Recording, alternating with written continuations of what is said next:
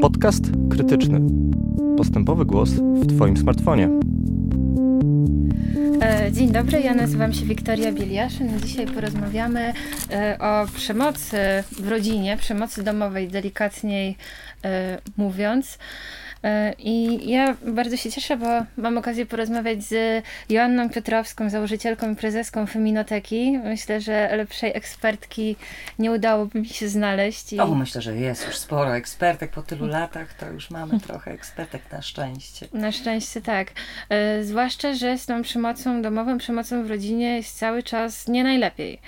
E, ja bym zaczęła tutaj od przykładu Rosji, dlatego że nie byłabym sobą, gdybym tego nie zrobiła. Otóż teraz w rosyjskim społeczeństwie podniosła się burza, dlatego że władze Kreml orzekły, że nie ma, nie ma powodu, żeby w jakikolwiek sposób e, zmieniać przepis, który właściwie stał się teraz bronią w ręku agresorów po dekryminalizacji przemocy domowej i że e, wszelkiego rodzaju próby wprowadzenia jakiejś ochrony dla potencjalnych ofiar to jest po prostu e, kaprys, bo nie ma takich potrzeb.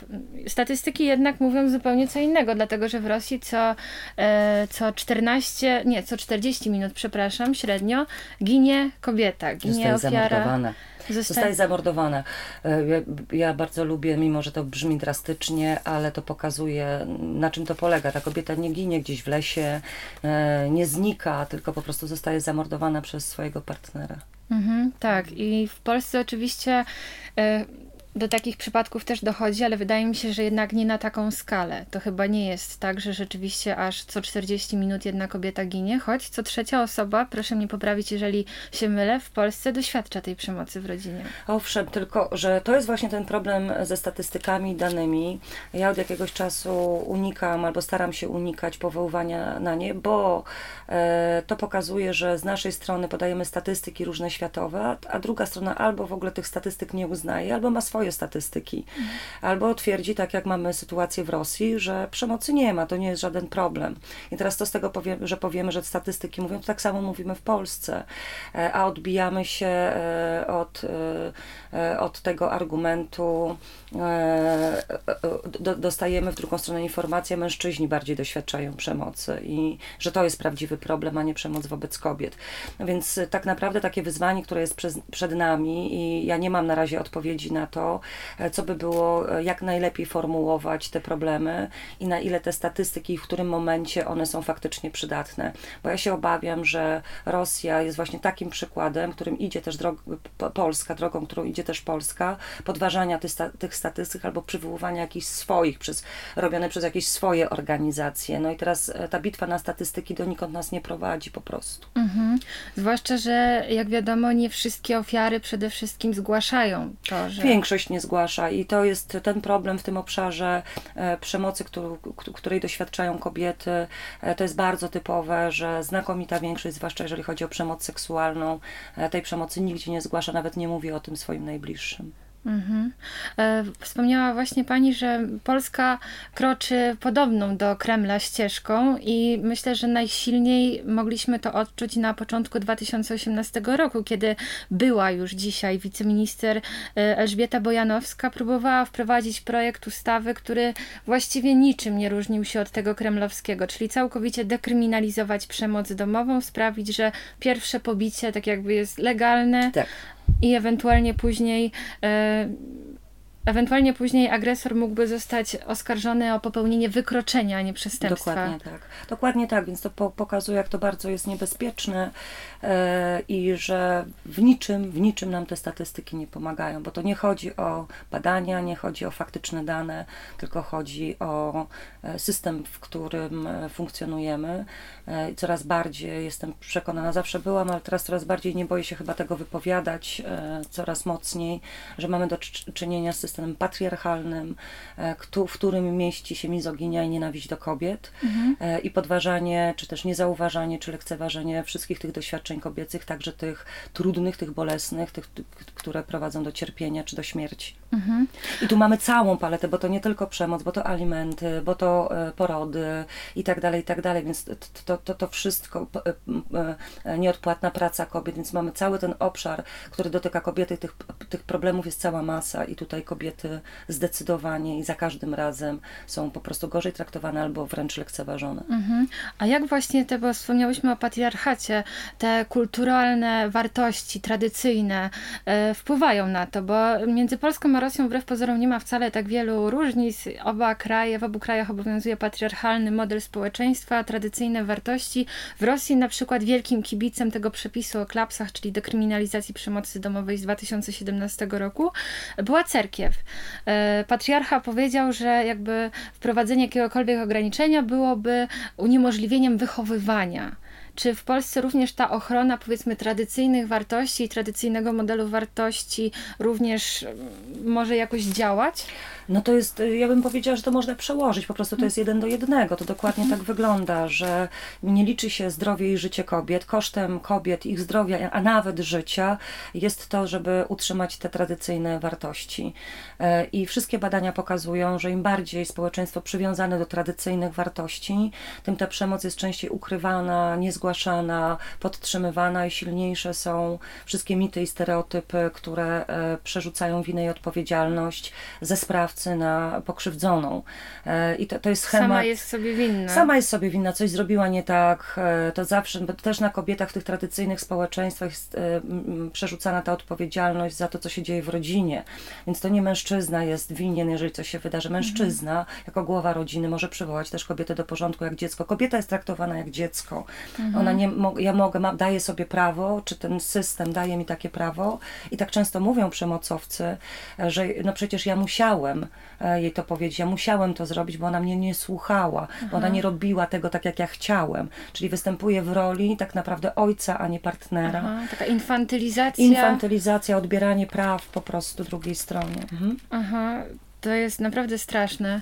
E, zwłaszcza, że na przykład e, chciałabym też podkreślić to, że w Rosji 10 tysięcy mężczyzn z kolei również ginie, czyli powiedzmy 14 tysięcy kobiet, 10 tysięcy mężczyzn. O tym też się dużo mówi i przez to oczywiście zwolennicy e, tego prawa mówią, ale przecież mężczyźni też cierpią. Z drugiej strony zupełnie jakby nie biorąc pod uwagę tego, że po prostu w pewnym momencie kobieta już nie wytrzymuje tego kolejnego razu i rani raz, ale powiedzmy, a dobrze, no. Mhm. No to jest taki, no też no, znowu to jest takie przerzucanie, prawda? A mężczyźni też mhm. są bici. Czemu służy ten argument? Ten argument też ma służyć temu, żeby, e, żeby odwrócić uwagę od problemu przemocy wobec kobiet, to jest ewidentne. Mhm. Żebyśmy zaczęły pochylać się właśnie nad mężczyznami, a nie, a nie nad problemem przemocy wobec kobiet. Ja się zastanawiam, jakie są e, źródła oczywiście tej przemocy, jak i, i, i, i dlaczego ci mężczyźni zostają zamordowani w wyniku przemocy. Czy to mhm. jest, i teraz pytanie, bo w Polsce też tego nie wiemy, czy mężczyźni zostają zamordowani w wyniku przemocy domowej z ręki kobiety, czy też z ręki innego mężczyzny. Bo z tym, z czym mamy gigantyczny problem i zawsze system patriarchalny nie chce na to spojrzeć, że mamy problem największy mhm. E, z przemocą mężczyzn wobec innych mężczyzn i chłopców. Jak popatrzymy na więzienia, to one są zapełnione głównie przez mężczyzn. E, jeżeli popatrzymy na wszystkie dane statystyczne, policyjne dotyczące rozbojów, e, kradzieży, napadów itd., tak itd., tak to się okazuje, że to mężczyźni atakują atakują innych mężczyzn, albo mężczyźni chłopców, albo chłopcy chłopców. E, I, i to jest coś, co jest u, u, usuwane, co przestaje być języczkiem uwagi, bo w systemie patriarchalnym tak dokładnie jest, że ten, kto ma władzę, ten, kto jest tym, tym, tym mhm. ta, ta grupa najważniejsza, będzie odsuwała e, tę uwagę. E, od, od, od tego, jak, jak oni funkcjonują. Mhm.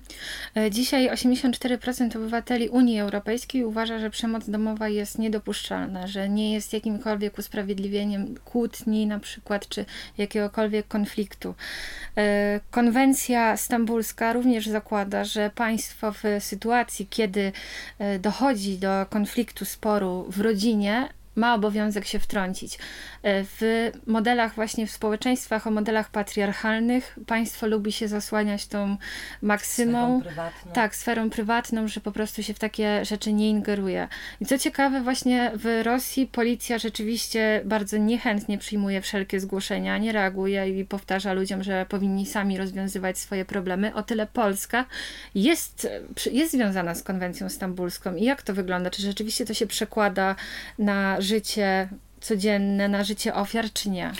Znaczy tak, taka świadomość, że przemoc w rodzinie jest przestępstwem, jest coraz większa i tutaj możemy powiedzieć o, o pewnym sukcesie, bo jednak była, były kampanie, szkoda, że te kampanie pamiętamy jedną, Tak. bo zupa była zasłona, ale ona faktycznie, jakkolwiek by jej nie, nie oceniać, to em, nastąpiła zmiana w postrzeganiu przemocy w rodzinie i przemoc w rodzinie e, stała się w takim postrzeganiu społecznym przestępstwem. Tego mało kto jest w stanie podważać. Oczywiście, jeżeli chodzi o realizację tej ustawy i mamy, to jest też wynik tych wszystkich działań, ustawa o przeciwdziałaniu przemocy w rodzinie, e, jest, jest takim zapisem prawnym, e, kt- który mówi o tym, że przemoc w rodzinie jest przestępstwem i powinno być ścigane.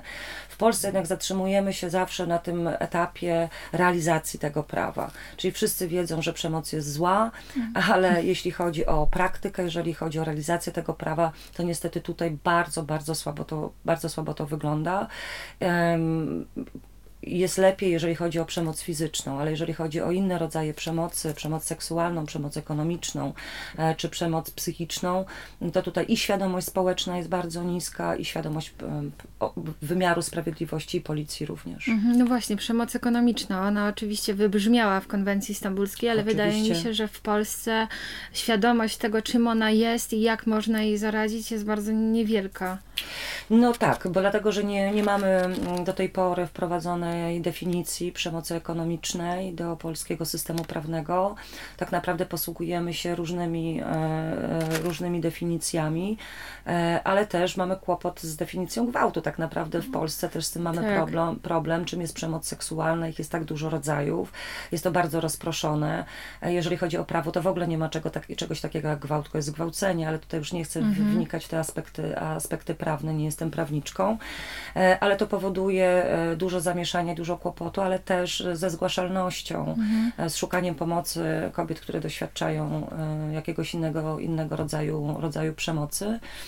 Bardzo często się okazuje, że e, przemoc fizyczna, no to już jest taki wierzchołek góry, znaczy wiesz, tak, wierzchołek góry lodowej, można tak powiedzieć, bo zanim do tej przemocy fizycznej dojdzie, a często do niej w ogóle nie dochodzi, są inne rodzaje przemocy, i seksualna, i ekonomiczna, i psychiczna, e, ale kobiety na to nie reagują, bo często nie zdają sobie sprawy z tego, że to, że to już jest przemoc i mm, warto by było poszukać pomocy. My w- tej chwili wypuściłyśmy z Feminoteką taki test przemocy, właśnie mm, wychodząc z założenia, że dużo jeszcze kobiet po prostu nie szuka pomocy, nie dlatego, że nie ma zaufania do organizacji czy do innych instytucji, tylko dlatego, że nie wie, że już doświadcza tej przemocy. Chcemy uchwycić w tym najwcześniejszym momencie, kiedy będziemy mogły jak najszybciej i jak najwięcej zrobić, żeby do e, no, najbardziej drastycznych rodzajów przemocy nie dochodziło.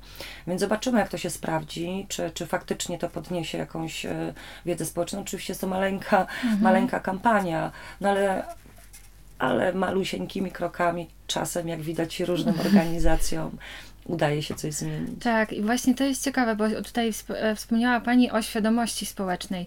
E, W Szwecji czy w Finlandii świadomość społeczeństwa jest bardzo duża, jeżeli chodzi o przemoc domową. E, I zakładam, że, bo przyznaję, że te statystyki bardzo mnie zdziwiły.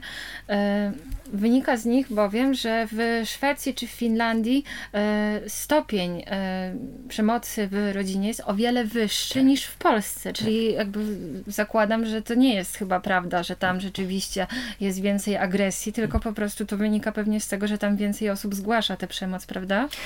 E, To może odwołam się do takiego przykładu choroby, jaką jest depresja. Jeszcze, nie wiem, 10-15 lat temu było bardzo mało osób, które leczyły się na depresję, bo mało kto wiedział, czym jest depresja, jak depresję rozpoznawać też u siebie, jak e, zauważyć, że ktoś z naszych bliskich e, choruje na depresję i że to jest choroba. W tej chwili jest to, mam takie wrażenie, o wiele bardziej powszechne Tak. i że jest to choroba, że, która się może skończyć śmiercią, czyli samobójstwem i tak dalej, i tak dalej. Dokładnie tak jest, że w każdym takim problemie poważnym, społecznym, im większa świadomość, tym po prostu większe, więcej zgłoszeń. Więc zdecydowanie, zdecydowanie jest tak, że e, te statystyki pokazują raczej e, poziom nieświadomości niż skalę, skalę przemocy. Aha, I że pewnie nie mamy wcale czym się chwalić w takim razie, bo prawicowe media oczywiście już orzekły, że U nas, u nas jest bardzo problem bezpiecznie, rozwiązany, jesteśmy tak. na pierwszym miejscu, jesteśmy liderami.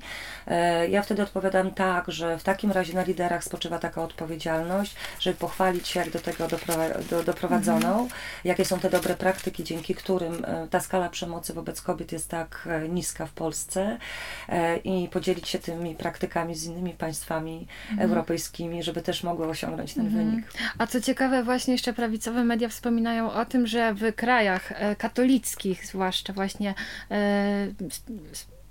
przemoc w rodzinie jest znacznie mniej powszechna niż w e, krajach, w których przeważają protestanci czy w ogóle ateiści, osoby innych wyznań. Znowu odwołujemy się do tych statystyk. No, Mhm. badania pokazują, że, no, że tak nie jest. Im bardziej struktura zamknięta, im e, większe przywiązanie do tradycyjnych wartości, e, w tym do religii, pewnych zasad, które e, stawiają kobietę w niższej pozycji, pozycji służebnej, Mhm. e, to tym przemoc po prostu większa, tylko my o tym nie wiemy. Mhm. A czego może moglibyśmy nauczyć się od innych krajów europejskich? Co w nich jest, czego u nas nie ma, a co zapewniłoby ofiarom bezpieczeństwo? Bo ja jak rozumiem, u nas każdy ma jakiś pomysł na to, żeby bezpieczeństwo kobiet zwiększyć, żeby e, nie było tylu ofiar w- przemocy w rodzinie. Lewica ma swój program, KEO ma swój program, PiS ma swój program, który jest nieokreślony. Ministerstwo Sprawiedliwości również ma projekt, który jest mm, obiecujący i nawet Rzecznik Praw Obywatelskich również pozytywnie go ocenił. Jednak no, to są jednak cały czas plany, tak? Tak, to są tylko deklaracje. Ja bym chciała, żebyśmy razem usiedli po prostu do stołu i porozmawiali, zrzucili te pomysły i poszukali, też odnosząc się do e, skuteczności tych rozwiązań w innych krajów i wzięli pod uwagę e, doświadczenia organizacji polskich, też z małych miejscowości, bo tam zupełnie jest inny, mm, in, trzeba szukać innych sposobów rozwiązywania tego problemu. Em, Można by było tutaj sięgnąć po doświadczenia islandzkie, które, których problemem było to, że mają bardzo dużo rozsianych maleńkich wsi, e, czy też pojedynczych domów, w których te kobiety są zamknięte i jak docierać, jak rozwiązywać ten problem. Więc wydaje mi się, że dobrze by było wyłożyć na stół to wszystko, przyjrzeć się i poszukać jak najlepszego rozwiązania. E, My oczywiście też mamy jakieś swoje, swoje propozycje i też chciałabym, żebyśmy mieli taką odwagę, szukać e, jakichś też nowych rozwiązań, nie bać się, ryzykować, e, ale stwierdzić, że być może pewne rozwiązanie przyniesie jakiś, jakiś skutek, nawet jeżeli wydaje nam się jakoś kontrowersyjne, czy wzbudza jakieś takie emocje w jakichś środowiskach, to żeby mieć odwagę z tym się zmierzyć, na ten temat dyskutować i, i to wprowadzać. Takim tematem jest na przykład zmiana e, definicji i, podejść definicji gwałtu, żeby wprowadzić kwestię zgody. E, czyli, że dopiero kiedy e, ktoś e, Powie tak. powie tak, to wtedy jest ta zgoda, czyli byłoby to przeniesienie ciężaru dowodu winy na drugą stronę, czyli oskarżony musiałby udowodnić, że to tak usłyszał, a nie musiałaby udowadniać kobieta, że powiedziała nie, czy że się broniła. I to jest oczywiście dla wielu, wielu prawniczek i prawników kontrowersyjny pomysł, ale warto by było tutaj spojrzeć też okiem prawnym nie tylko na kwestie, to mam takie wrażenie, że jak ktoś mówi, ach, domniemanie niewolności, że to już jest po prostu coś, czego absolutnie nie wolno ruszać, to nie jest tak. Prawo my tworzymy, możemy stworzyć takie prawo, żeby lepiej chroniło po prostu stronę słabszą, bo takie sytuacje nie wydarzają się w przypadku, nie wiem, ciężkich pobić, e, czy, czy, czy innych nie dotyczących kobiet, a w przemocy seksualnej niestety mamy taką sytuację i jak państwo mogłoby i prawo odpowiedzieć na taką potrzebę i taką nierównowagę sił, e, Tak. kiedy, kobieta, e, kiedy kobieta występuje na drogę prawną, a ma przeciwko sobie e, nie tylko adwokatów, ale ma też cały system i głowy e, przedstawicieli wymiaru sprawiedliwości pełną mitów i stereotypów wiktymizujących, czyli przerzucających, obwiniających e, pokrzywdzoną, a nie, a nie zdejmujących z niej tego ciężaru. Więc to jest na pewno wyzwanie. Ja bym bardzo chciała, żeby Polska była otwarta i wszystkie strony polityczne otwarte na to, żeby rozmawiać, żeby tu nie było jakiejś rywalizacji, kto pierwszy wprowadzi jakiś projekt, bo to też nie o to chodzi, tylko e, wydaje mi się, że już w tej chwili jesteśmy w takiej sytuacji, mamy taką wiedzę i doświadczenie i, orga, i takie organizacje e, z kilkunastoletnim czy kilkudziesięcioletnim doświadczeniem, żeby, żeby, żeby, żeby nas wszystkich połączyć i poszukać jak najlepszych rozwiązań. Mhm. A czy jest jakieś takie państwo właśnie w Unii Europejskiej, które możemy postawić sobie za wzór?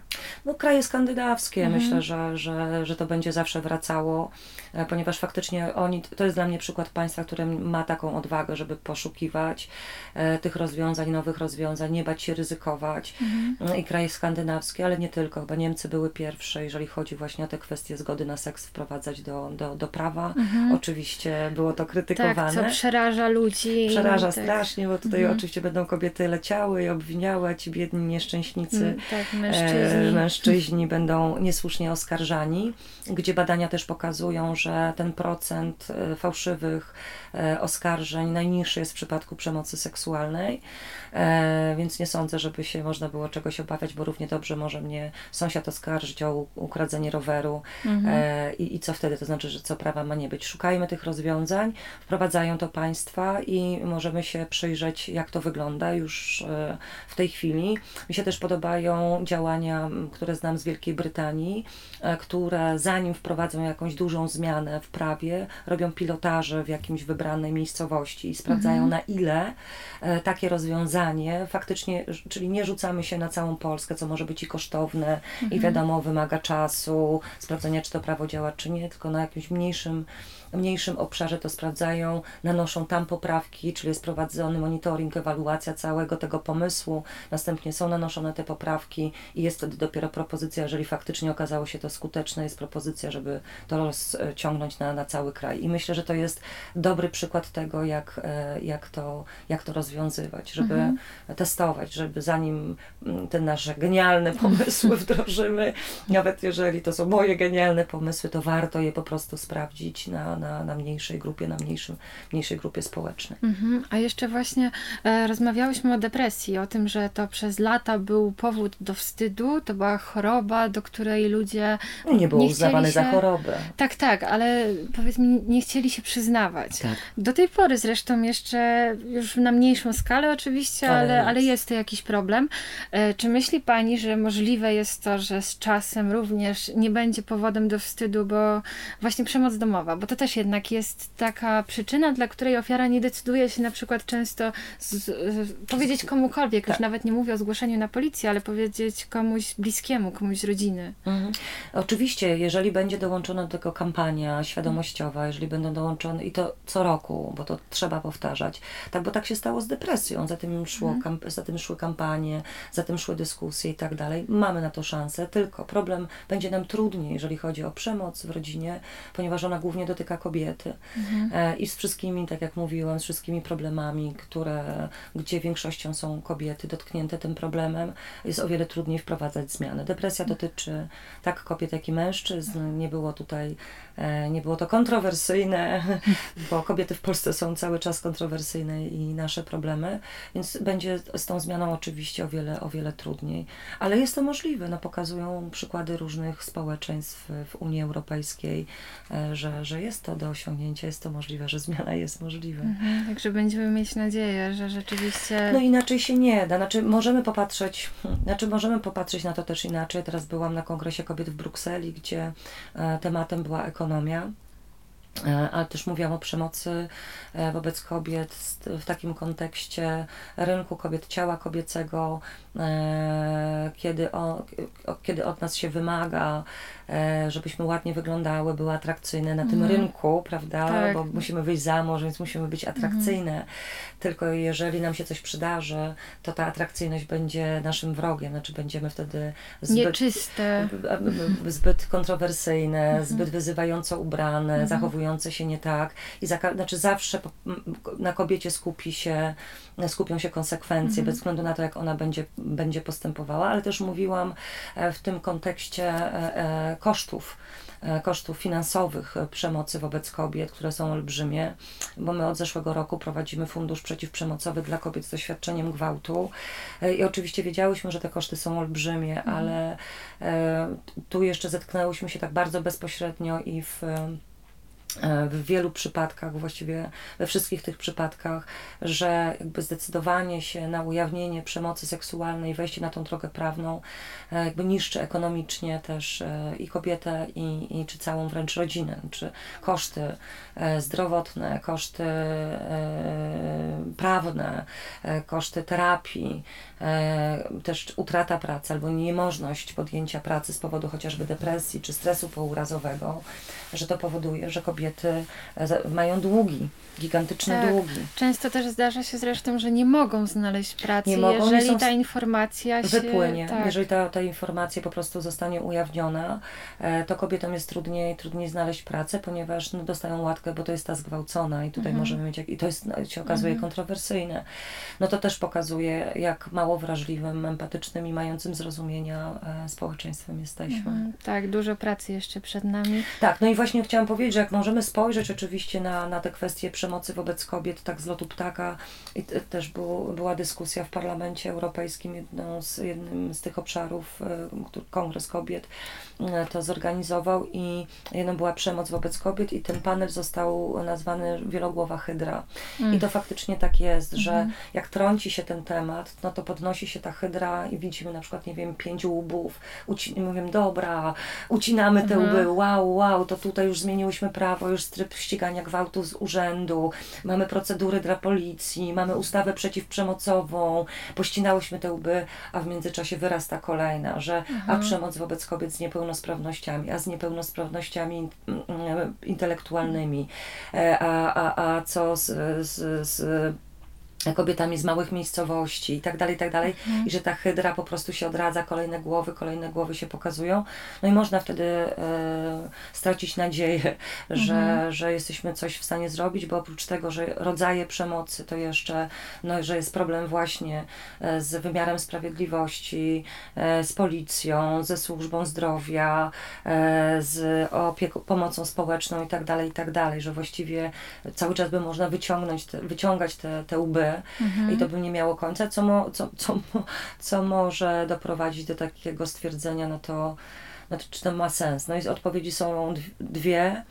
Myślę, że one są równoważne. Ani jedna, ani druga droga e, nie, nie są w żaden sposób lepsze. Jeden to obalać system, bo to jest przyczyna tego problemu, z którym się mierzymy, a druga droga to małymi krokami po prostu zmieniać to, co widzimy. No i moim zdaniem powinno iść to równolegle. Zobaczymy, co nam się uda zmienić szybciej. Tak, i edukować społeczeństwo. Bo... Absolutnie, absolutnie. Znaczy to, to jest konieczne, to jest niezbędne i to pokazują wszystkie badania, że koszty edukacji, koszty profilaktyki są mniejsze niż koszty potem sobie radzenia mm, z skutkami przemocy. Mhm, tak, oczywiście. Szkoda, że już nam się kończy czas, ale bardzo dziękuję. Joanna Piotrowska była moją gościnią. Dziękuję, Dziękuję bardzo. bardzo.